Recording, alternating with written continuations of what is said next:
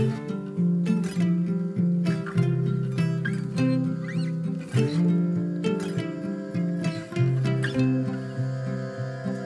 listening to the podcast For Health med Anna Sparre, which is a Swedish podcast, but since we sometimes have English speaking guests, we also do some English episodes. This is the English version of episode 196. It's an interview with the international expert Liz Lipski about autoimmunity and gut health. For Swedish listeners, the previous episode, episode 196, is the main episode. That podcast episode also includes Swedish summaries. You can also learn more from Liz as she is hosting an education in Stockholm, Sweden, the 6th to 7th of October. The course is on the topic of autoimmunity and the gut immune system, and it's suitable for you if you are educated or work as a practitioner within health or medicine. To sign up for the course, click the link that you'll find in the episode information for this podcast or send an email to info at alphaplus.se. Liz will tell you more about the course at the end of this episode.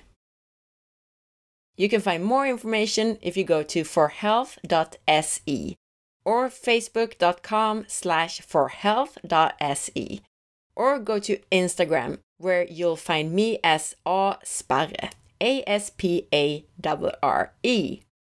Please share this podcast episode on Facebook or to a friend if you like it, and don't forget to leave your review in iTunes. Thank you very much. Liz Lipski is a well renowned international expert of nutrition and functional medicine, with more than 30 years of clinical experience.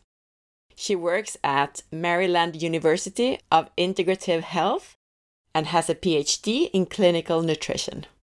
Her expertise in autoimmunity, gut health, and digestive wellness is far beyond most other experts' knowledge. She worked in this area long before other experts even knew what the microbiome was.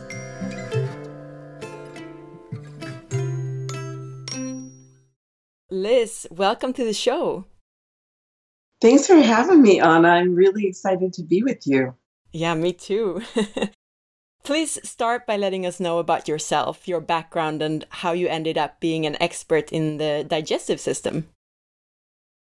I have a PhD in clinical nutrition, and I was really lucky that when I was very young, in my early 20s, I started being interested in herbal medicine. And that led me to Dr. Jeffrey Bland, who it really, along with David Jones, founded the Institute for Functional Medicine. And so my background in nutrition really started from an unconventional kind of approach. And so I learned.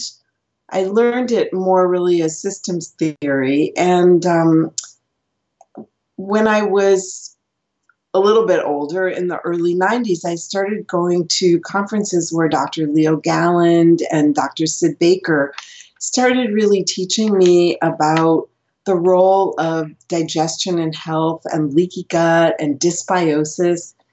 And nobody really had talked about any of these terms before. Stephen Barrie was also instrumental in this. And I got very interested when one of the doctors that I was working with said to me, You know, these stool tests, they're going to change all of internal medicine. And mm-hmm. my ears just kind of perked up, and I, I went, Huh, I need to know a lot more about this. And there was nothing to read about it or learn about it. And so I decided I would start writing about it and researching it and put that together and wrote Digestive Wellness in, I guess it first came out in 1995. And then in 1998, I wrote a little booklet on leaky gut. And um, I was off and running because once people saw me as an expert, they started seeking me out even though I didn't really know what I was doing, but um, I knew more than most other people. and we were able to take it from there, and people started approaching me from all over the country and all over the world to really help them with their health issues that nobody had been able to figure out. And um, so I was in clinical practice for a really long time. Um, I'm currently working on the fifth edition of Digestive Wellness. So every five years or so, I seem to kind of update it with whatever's new, and it's pretty exciting. Um, I currently been working with um, the teaching GI module for a couple of different institutes, and I also uh, teach now full time at a university so that I can help train the next generation to kind of go out and and really use nutrition as the main diagnostic uh, and and uh, clinical tool that we have because we know that so much of of why people are ill is because of lifestyle and food. And so how can we really put that in the center of health um, rather than the way we practice medicine now? So that's really you know a little bit about my background. And i love nutrition. I love the field of integrative health um, as much today as i did when i started out doing it. So it's uh, addictive. It's a good addiction. I agree. And that's amazing. I mean just for the listeners to understand that you practiced this in the 90s most of the people that we had on the show, they've been researching the digestive system the recent couple of years. So much has come now the past few years, and you started already like 20 years ago. That's amazing. Yeah, I, um, I'm an early adopter. Yeah. really early. yeah, we're lucky to have you here. In October, you'll come to Sweden to lecture about treatment of autoimmune diseases and gut health. Speaking about that, what is the connection between gut health and autoimmunity? Well, simply said, from all the research that I've read and so far, in every single autoimmune condition that's been researched, we see that leaky gut is one of the triggers that sets off autoimmunity. And so we have to see that kind of increased intestinal permeability because it's that first breakdown of kind of the immune barrier between us and our bloodstream. And so when we get chemicals, molds, food molecules, um, and other you know, metals and other substances that that are not supposed to come into the bloodstream and do, it triggers um, an immune reaction. And if we keep having this chronically, this chronic autoimmune reaction, then it can often trigger this autoimmunity. We also have to have, you know, with autoimmunity, we also have to have the right genetic predisposition which is why you can have in a in a family you can see lupus running through a family or you can see MS or you can see just autoimmune issues in general running through families. So the you know we have to kind of focus on leaky gut is one of those kind of uh, triggering underlying mechanisms that allow for autoimmunity to really occur.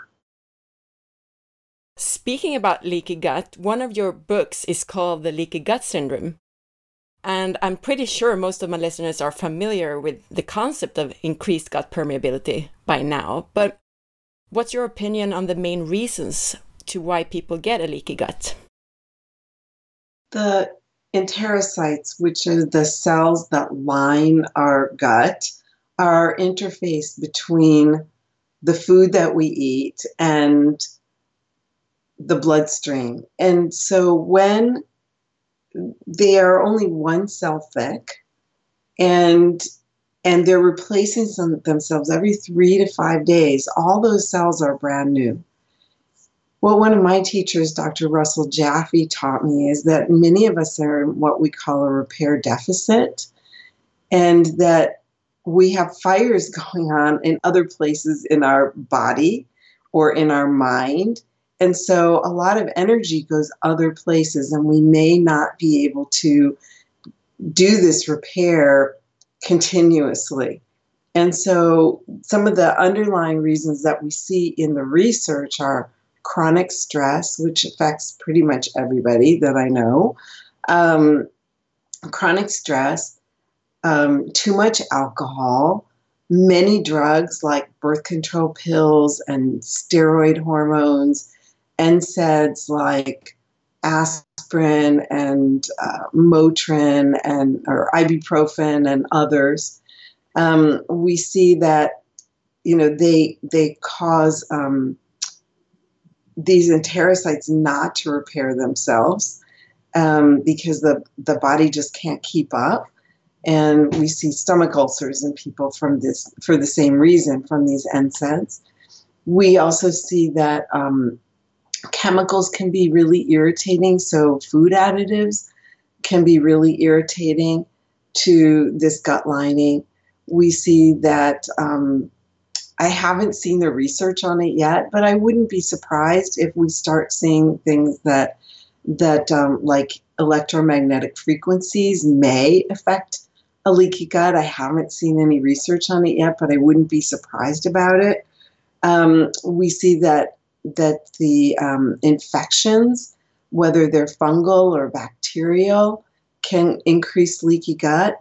Um, people who are frail to begin with, so elderly or or um, people who already have autoimmune conditions, it would be very difficult for them to heal that leaky gut. Um, we see leaky gut not consistently, but we see leaky gut in many kids who have and adults who have autism. So, um, pretty much, you know, any kind of assault that would keep us from being able to be vigorous enough to keep replacing this tissue every few days is um, what can cause leaky gut. And um, we have some research, not as much as I would like, and uh, those of you in Sweden are luckier than we are here in the United States. But we use um, glyphosate uh, in so many foods. Um, it's contaminated everything, and and there's some work from Stephanie Seneff out of um, Massachusetts Institute of Technology um, demonstrating that that that glyphosate and other pesticides, you know, can and herbicides can also um, increase leaky gut. So, you know, it's the purity of our food, it's the stress in our lives that really contribute to leaky gut. So, to summarize, you have a certain amount of energy to replace different cells throughout the body. And if you overload the body with stressors and poisonous substances like alcohol, for example, then that energy has to be directed elsewhere than to replace the, the gut cells. Is that what you're saying? It is. And then also, what happens is that these chemicals or infections or um, can also just irritate the that gut lining anyway.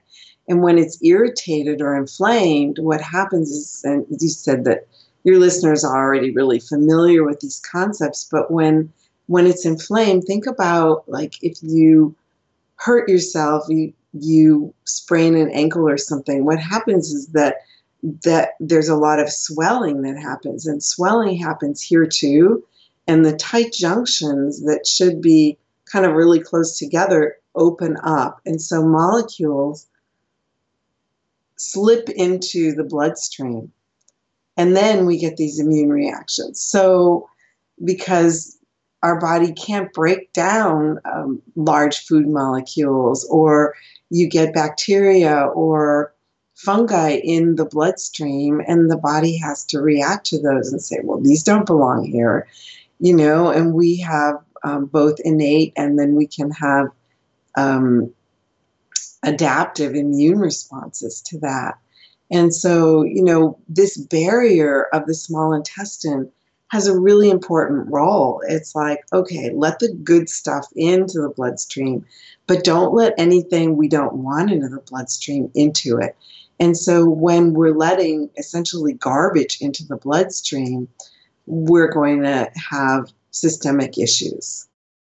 There's also a lot of discussions around gluten and zonulin. Do you think that's important too, or is it stressors and, and alcohol more important? What's your point of view? Well, so first of all, in people who have celiac disease, gluten and zonulin play a huge role. In people who have infections, mainly infections like small intestinal bacterial overgrowth, um, and mainly from gram negative bacteria, those bacteria produce something called lipopolysaccharides. Um, and these are also called LPS. And these LPS are very um, opening of the tight junctions. There are only two things that we know right now that stimulate the production of zonulin. One is gluten in people who have celiac disease, and two, these um, lipopolysaccharides from bacterial infection and bacterial exposure. And so these are the only things that we know that really stimulate zonulin.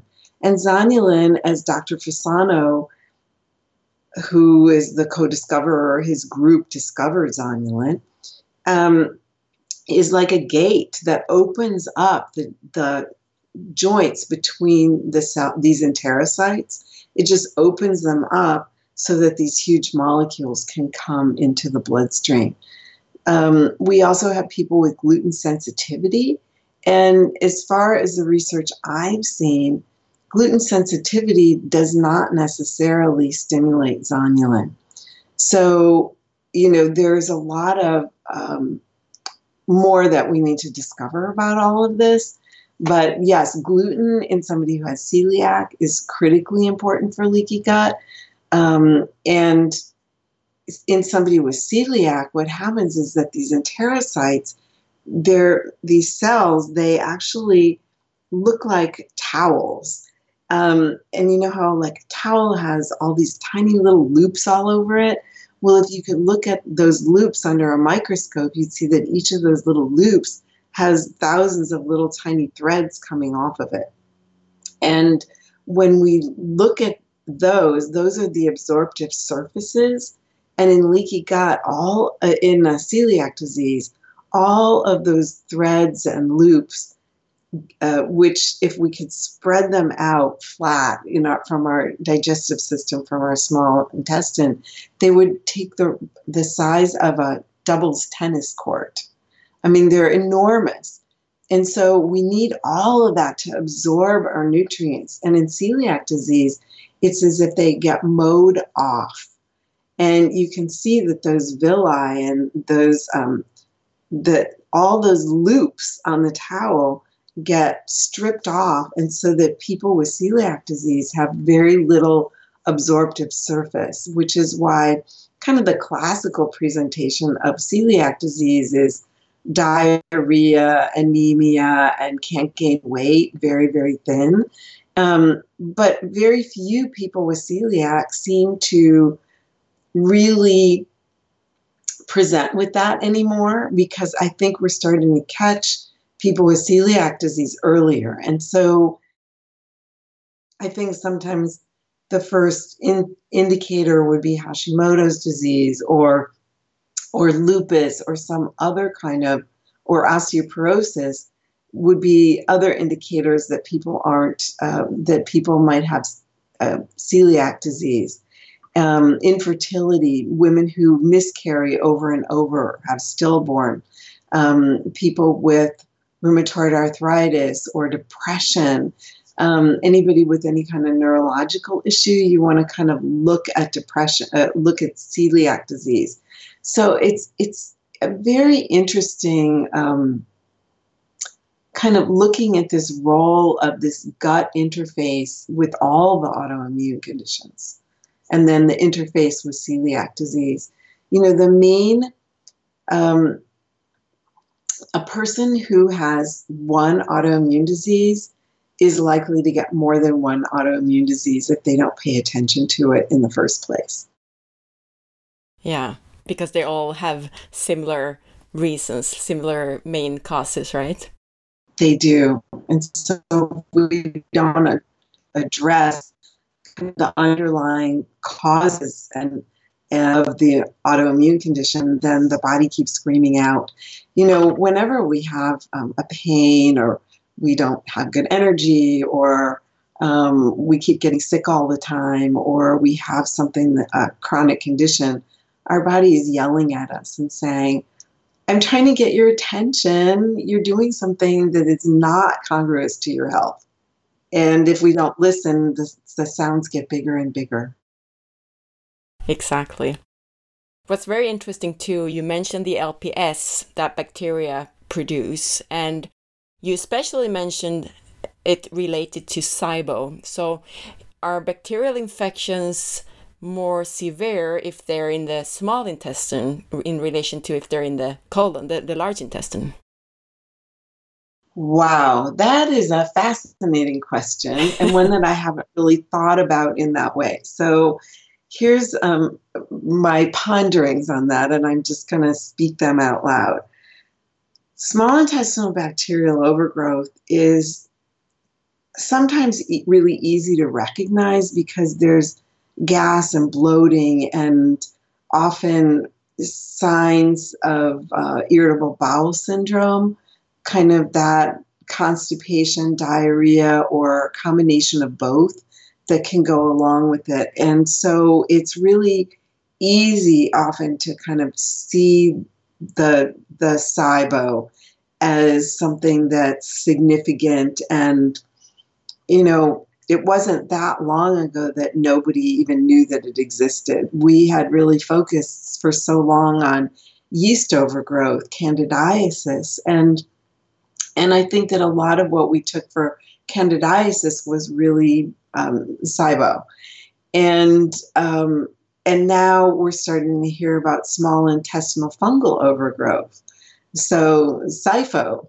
and we're starting to see research on that, which is uh, really fantastic because for the last 35 years, people have been uh, working with candida overgrowth, and we see it in testing, and we can understand some of the uh, kind of overall pictures of that clinically once you get tuned into looking for it. Um, so I think in the small intestine, we have these kind of infections.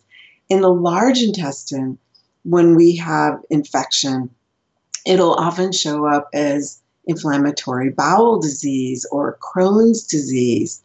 Um, and we can see that as a much more severe autoimmune type of issue. So, you know, I think that their symptomology shows up in different kind of health issues. Okay. Thank you for that explanation and your thoughts on that. That's very interesting, I think. Now you've said that the main connection between autoimmunity and gut health is that leaky gut. And you also mentioned some causes of leaky gut. But once you know you have leaky gut, how can it be treated and healed? Well, we have to kind of work backwards and see what's playing a role in that. So, is this an infection? If it's an infection, then treat the infection, right? And so, there are medical ways of doing that, there are natural ways of doing that. And uh, I think your listeners are really aware of because I, I know you probably had um, lectures on on um, on SIBO and yeast overgrowth and parasitic infections. So, you know, treating infection then the next thing is looking at stress in somebody's life. Like, where do they have stress? Why might this not be healing? Um, then, then taking a look at diet, diet, diet. And so we want to clean up the diet and have somebody be eating uh, uh, not only an anti inflammatory diet, but also a diet that would be low in um, immune provoking foods. So the three food areas that we know are the most troublesome are always gluten containing grains, eggs, and dairy products. And these, um, these, the proteins in these foods seem to be like the most problematic.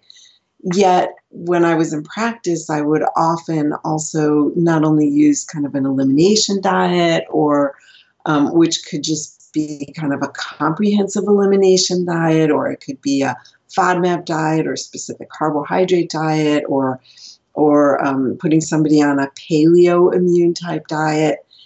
Um, and we'll go into all of those when when I'm in Sweden, um, in Stockholm in October.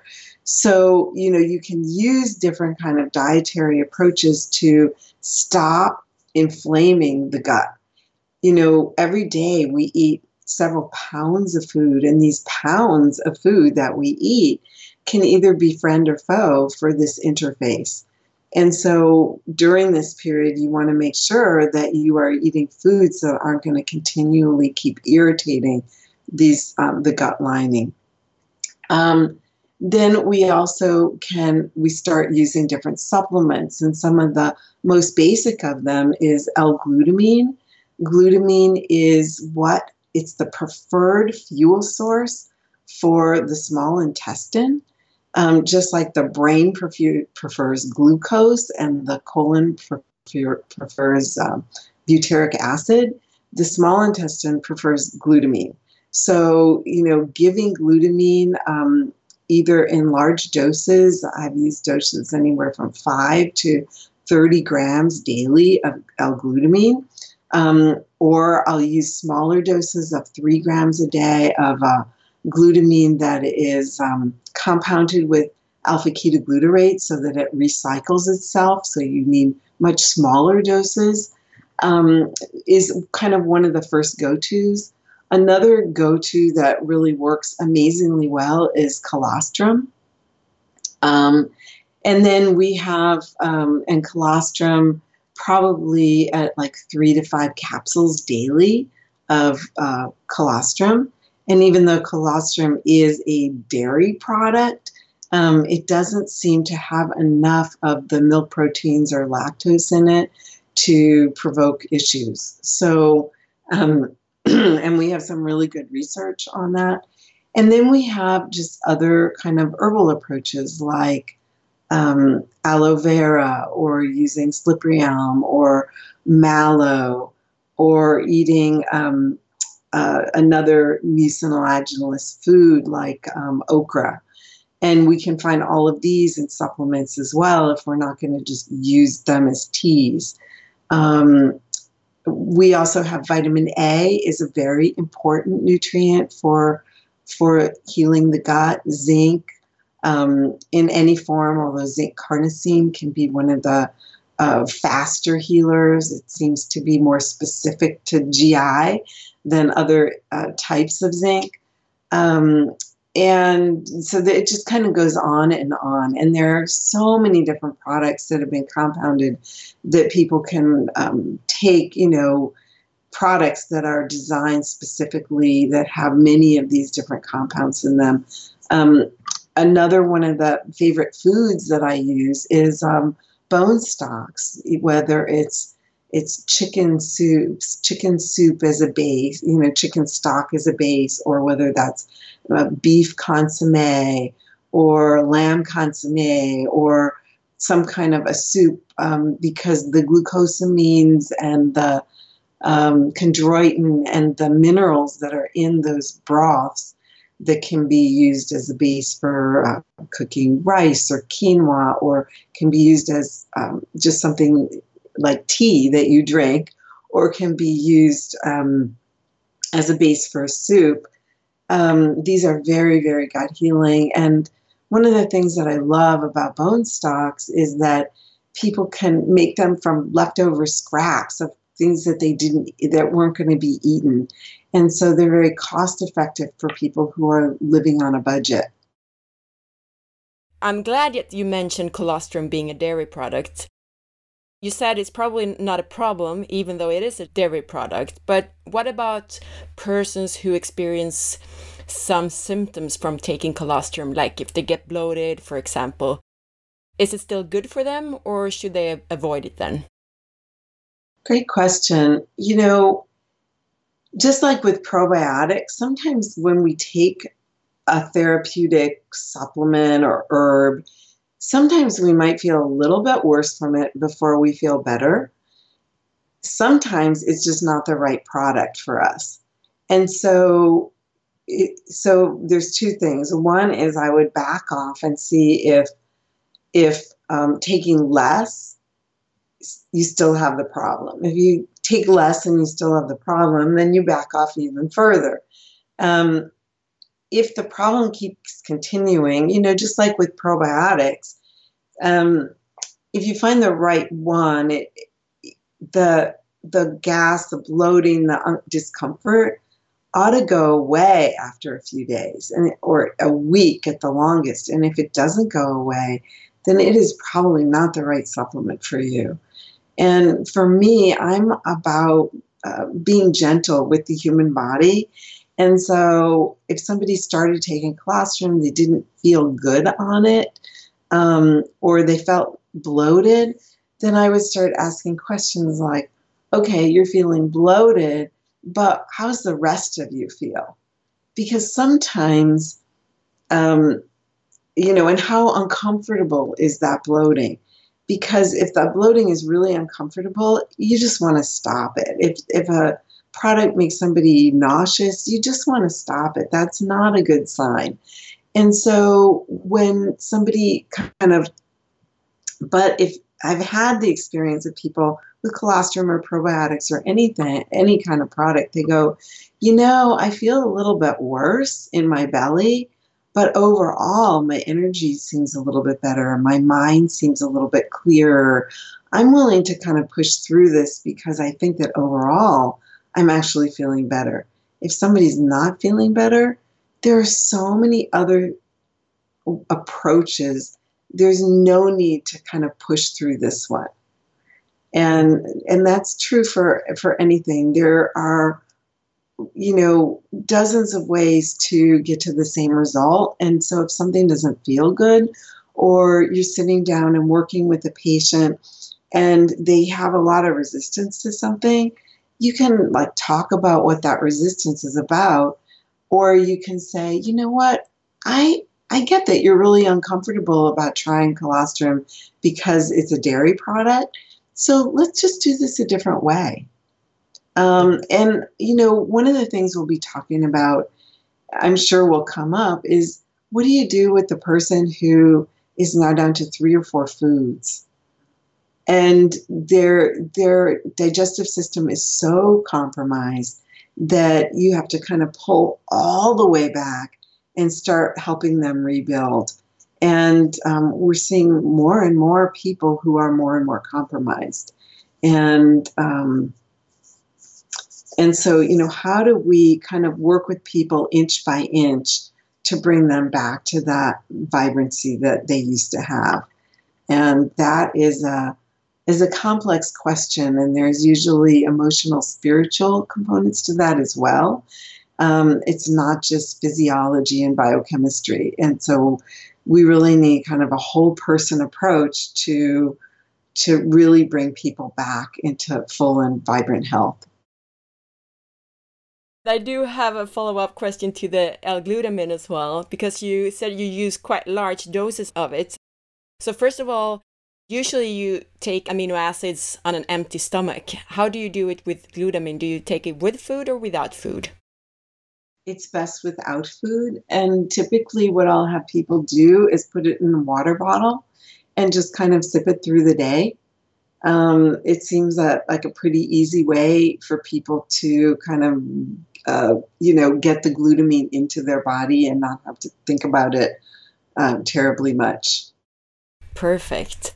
And then the other question I had actually a couple of clients who experienced that their sleep got worse when they were taking amino acids like L-glutamine and my thought was maybe it's you know hindering the tryptophan from being absorbed properly what's your point of view on that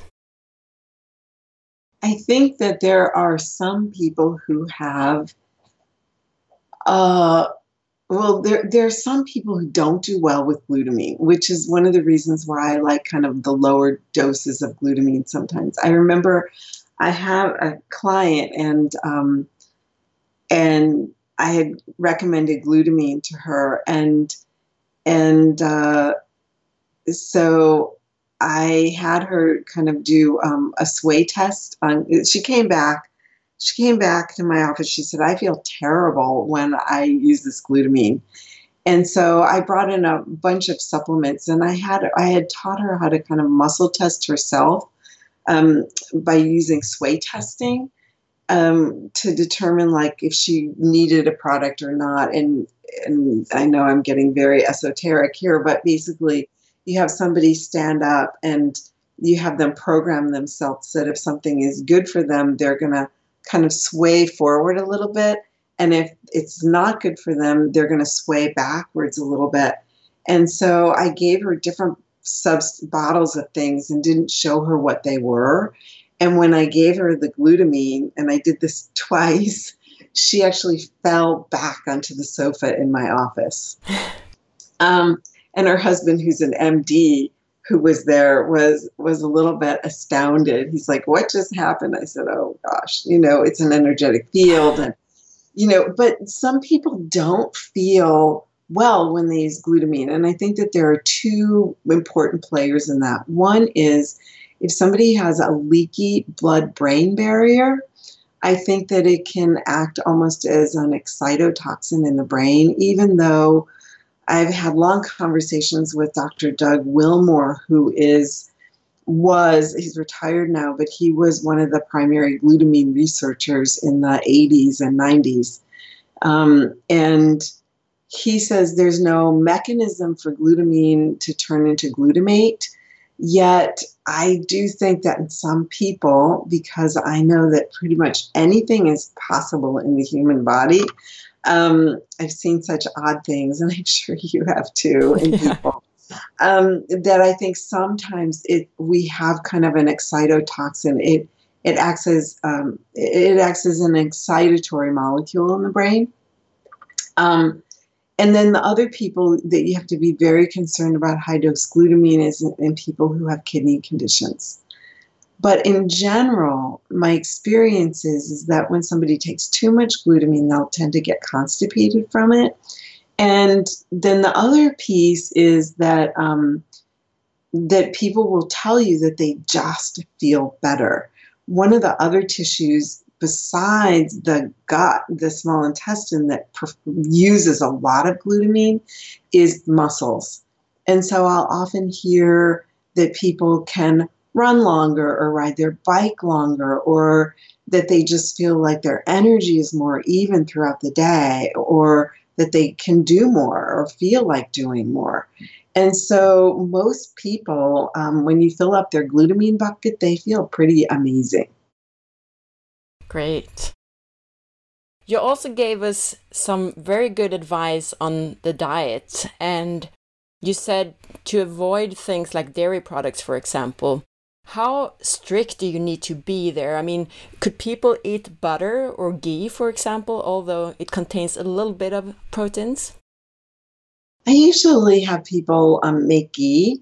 And I was thinking that it would be really fun to do a couple of uh, cooking, a few, a couple of cooking demos over the the weekend that I'm in Stockholm because um, for example, making ghee, I make it uh, every maybe three weeks. I make ghee, and um, it's really easy once you get in the habit of it, and it costs way less money to make your own ghee. And so, um, you know, it depends how sensitive somebody is. Some people can get away with butter.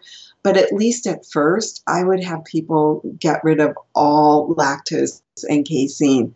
So I would have people using ghee. And, um, you know, one of the other things that I make quite often is um, I'll make uh, a cashew kefir, uh, a cashew coconut milk kefir. And again, it's something that's very simple to make, and I'll put that in smoothies, or I'll just um, uh, make, you know, put cashews or almonds or something in a smoothie to make kind of a nut milk as a base. So there, there are a lot of different kind of workarounds for for um, not using dairy. And uh, I know that in Sweden, that that dairy and eggs are are foods that are used quite a lot. Um, and so, you know, when we're talking with people about changing the way they eat, typically we're talking about a therapeutic diet that's done for sometimes three months, sometimes up to a year. Um, and often people can return to eating almost all the foods that they weren't able to eat.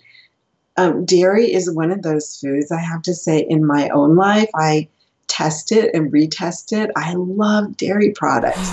and I find that I can eat some dairy products, but if I eat dairy a few days in a row, what I realize is that I've got this kind of in my throat. Or I, in the middle of the night, I notice that my nose is stuffy. And these aren't a big deal.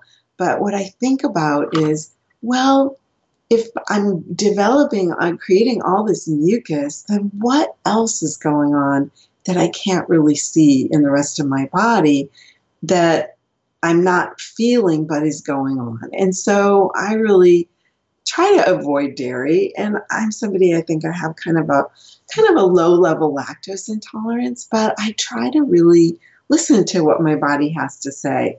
So, anyway, with a therapeutic diet, I'm hoping that most people can then go back and eat really healthy um, and eat almost everything. Because, you know, we didn't come into this world, well, we came into this world not being able to eat really anything except breast milk, you know? and then we kind of broaden out. But then if we're in a state of disease or unease in the body, sometimes we have to go back almost to eating like a baby again. Um, but then we grow up again, so that's good. Yeah. And I do too, by the way. I also make ghee every two weeks, actually. So I love ghee. That's perfect. but speaking about, you know, going back to eating most of the stuff that you avoided, my experience is also that a lot of people with leaky gut they develop more and more intolerances and, and allergies so sometimes it's almost like a catch 22 how do you approach that i mean how do you get rid of all those intolerances oh, it's it's really tricky and it takes patience on the part of of both people both the clinician and the the patient client um, so, one, we have to heal that leaky gut. Two, we have to deal with infection. Three, if you're still having problems, you have to look more deeper. You have to look for Lyme disease and co infections. You have to look for mold. You have to look for metals.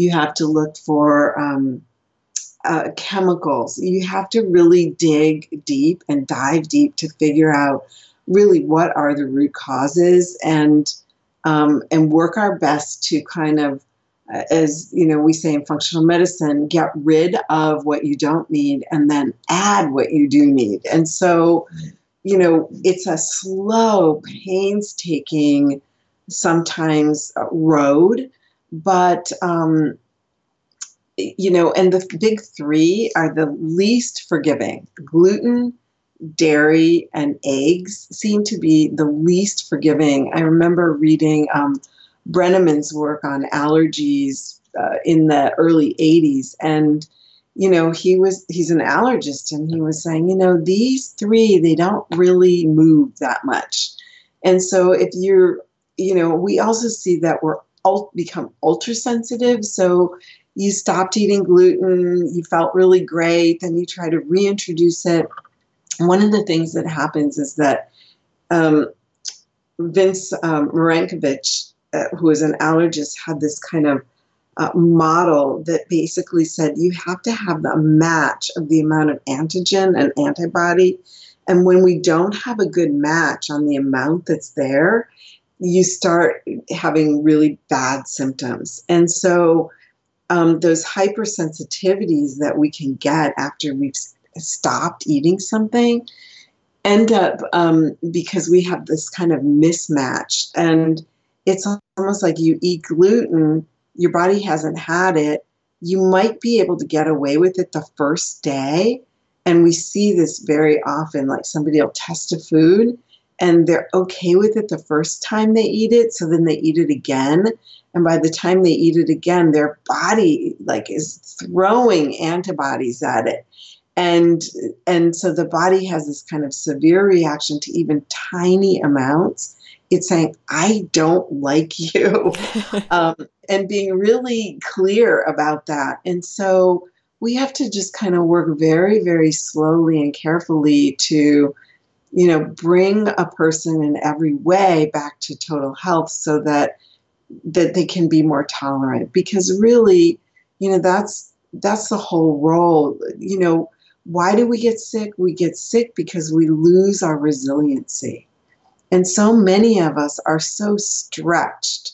Um, I, I, was watching the news with my husband last night, and you know, um, uh, the president of the United States, the current president of the United States, for people in the United States and probably for people other places in the world, is causes a lot of stress. And here it's almost like people are reacting with PTSD. Um, you know, but it's because we've already lost our resilience. So when we get to the edge of our resilience and then we get one more big stressor, it pushes us over the top. So, our role as clinicians, no matter what we're working with somebody, is how do we get somebody more resilient? So, somebody who has asthma, how do we get them more resilient so that their lungs don't overreact to things that most of us can tolerate? And so that's really our role is, you know, as resiliency and tolerance builders. And how do we do that? Sleep. And, you know, most people don't get enough sleep.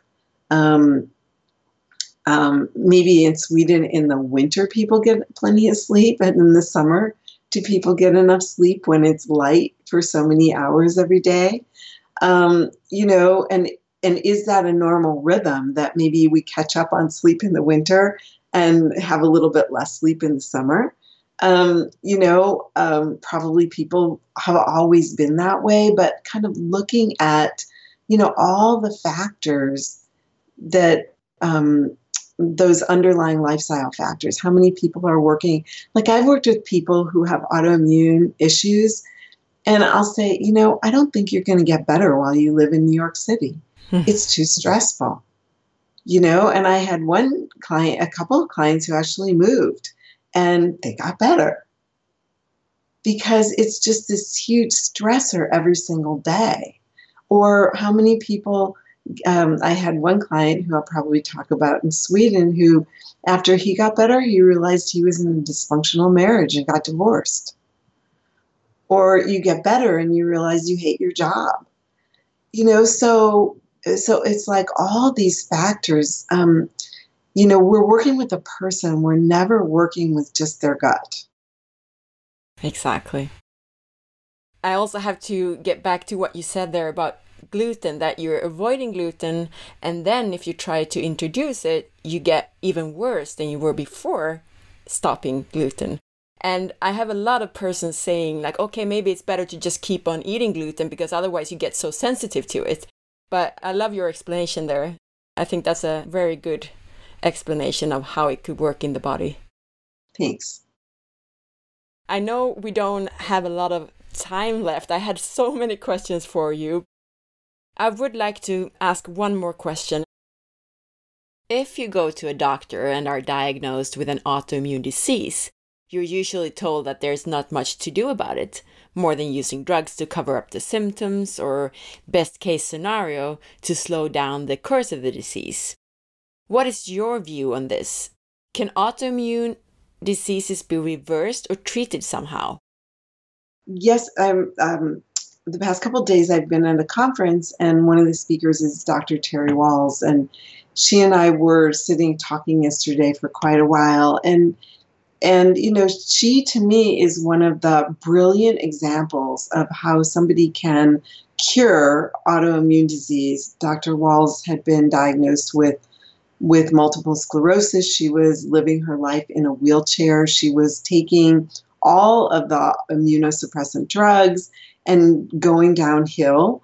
And um, she started working with food and radically changed her diet and did some some uh, different a few supplements and some uh, electro uh, microcurrent Um, and she completely turned around and no longer has multiple sclerosis. Um, probably some of you have worked with people who have type 2 diabetes, which is now being classified as an autoimmune condition. And they've really taken that early diagnosis to heart and they've changed their lifestyle and they've changed their their exercise patterns and they've started taking some supportive nutrients. And lo and behold their hemoglobin a1cs and their blood sugar is normalized completely.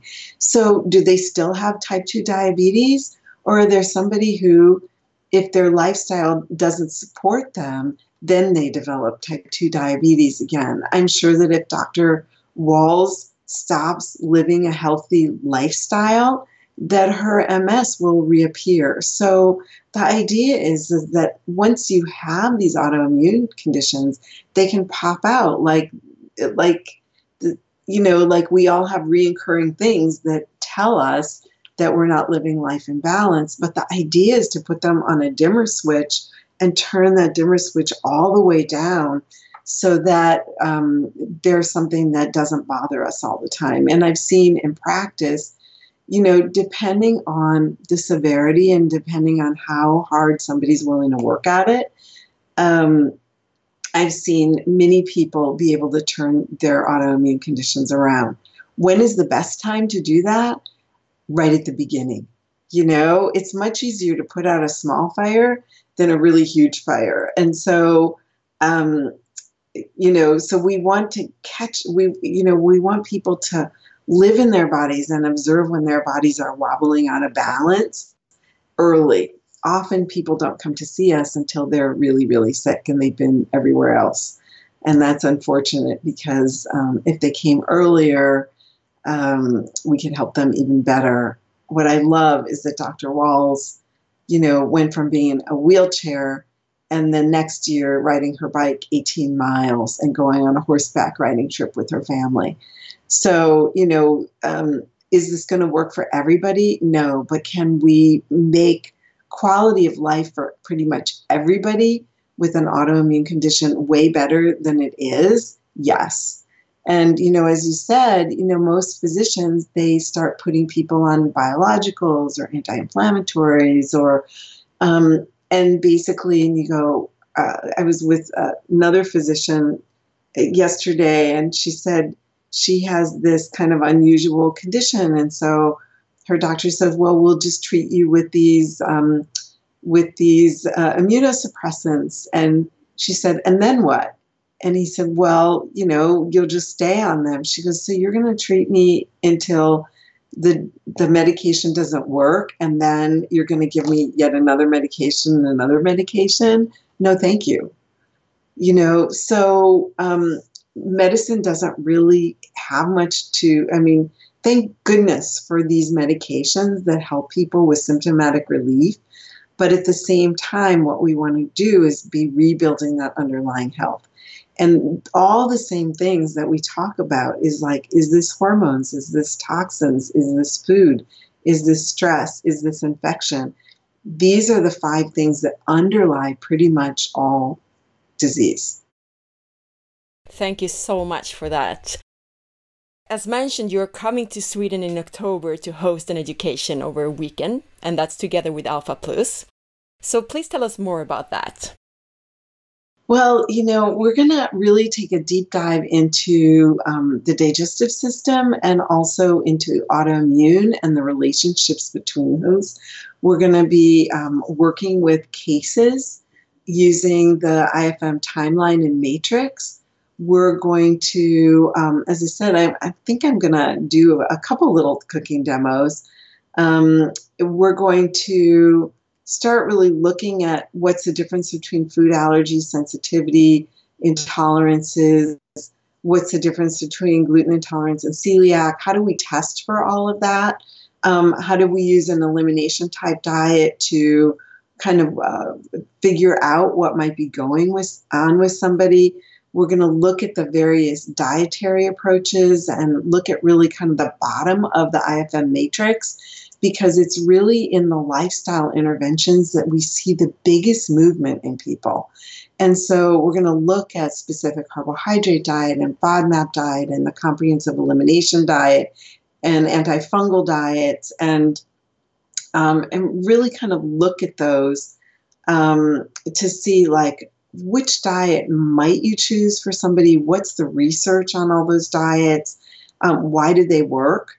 We're going to look um, one of my new passions is um, really looking at the role of prebiotics. Um, prebiotics in food are really the fertilizer for the microbiome and the microbiome from the research that I read really runs metabolism. And the microbiome also is responsible for detoxification of probably 25% of all the toxins or microbes that we get exposed to. The, the microbiome is going to deal with that. So we're going to dive into the microbiome and we're also going to really dive into autoimmune conditions um, with cases and uh, talking about what clinicians are doing, what the research shows, and how we can help modulate the immune system to bring people who have autoimmune conditions back into better balance. Are we going to be able to get everybody 100% better? No.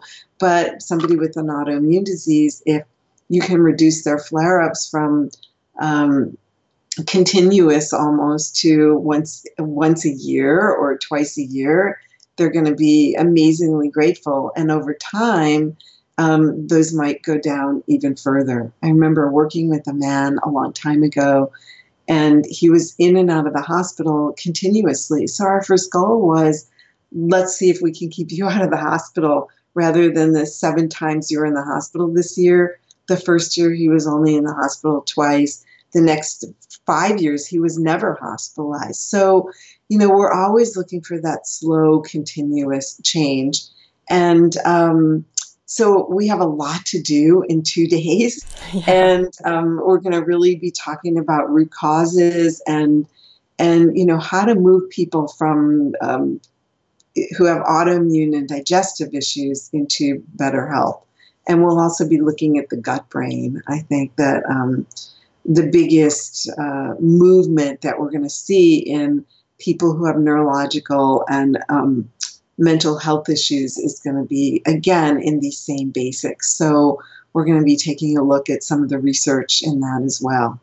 So we have a lot to do. It should be fun, and we're going to do a lot of workshopping where where it's not just me talking all the time. Um, you know, my my function in coming is yeah, I can give you information, but for you to play with what you learn and to actually use it in cases and start thinking is the most important thing because I want you to be able to leave at the end of the weekend and have new tools and have new insights about how to work with people who come who have seen pretty much everybody and you go, oh my gosh, now they're here to see me what do I do? So, what do we do? We take a deep breath and we come back to the basics. And so, we're going to do that over and over again and um, play with that. That sounds so exciting. If the listeners want to know more about you and your work, where should they go? Okay, so um, I am teaching full time in um, and also helping administer um, a master's and doctoral program and also a postmaster certificate in um, integrative and functional nutrition at Maryland University of Integrative Health.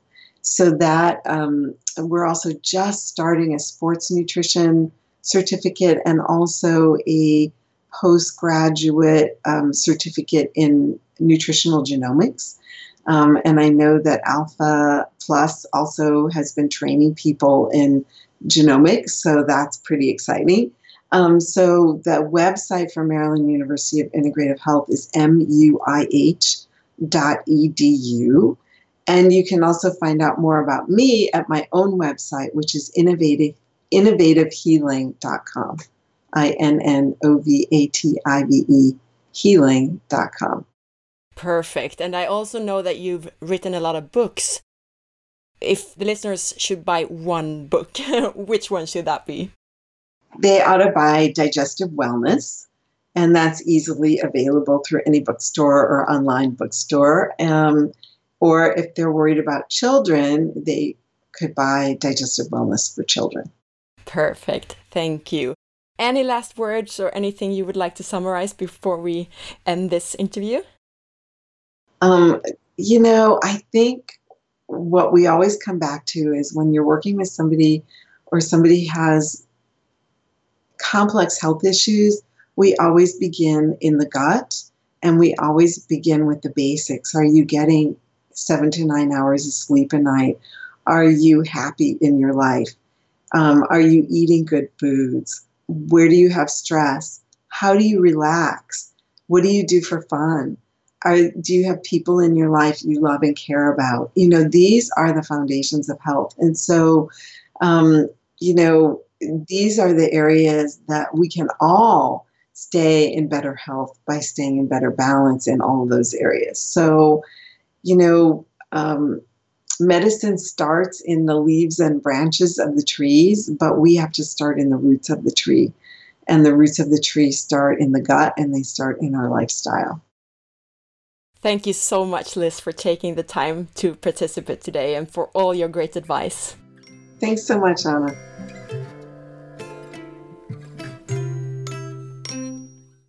Thanks for listening. I hope you liked the interview. And don't forget to leave your review of the podcast in iTunes. Also, go to facebook.com slash forhealth.se to share the episode information with your friends. I hope that you are interested enough to check out our other English episodes. At the moment, there are episode 192b about IBS and SIBO, episode 183b with Dr. Marcus Gidley about reversing aging, 172b and 173b with functional medicine profile Umahro Cadogan about food and supplements as medicine, as well as about genetics and methylation. There is episode 159b with Dr. Carrie Jones about hormones, 155b with Diana Noland about functional medicine, 135b with Dr. Michael Ash about the microbiome, 93b with Stephanie Keto Person, as well as episode 65b about sleep, dark, light, and light therapy, an interview with Dr. Craig Hudson. I wish you a great and healthy day. Bye.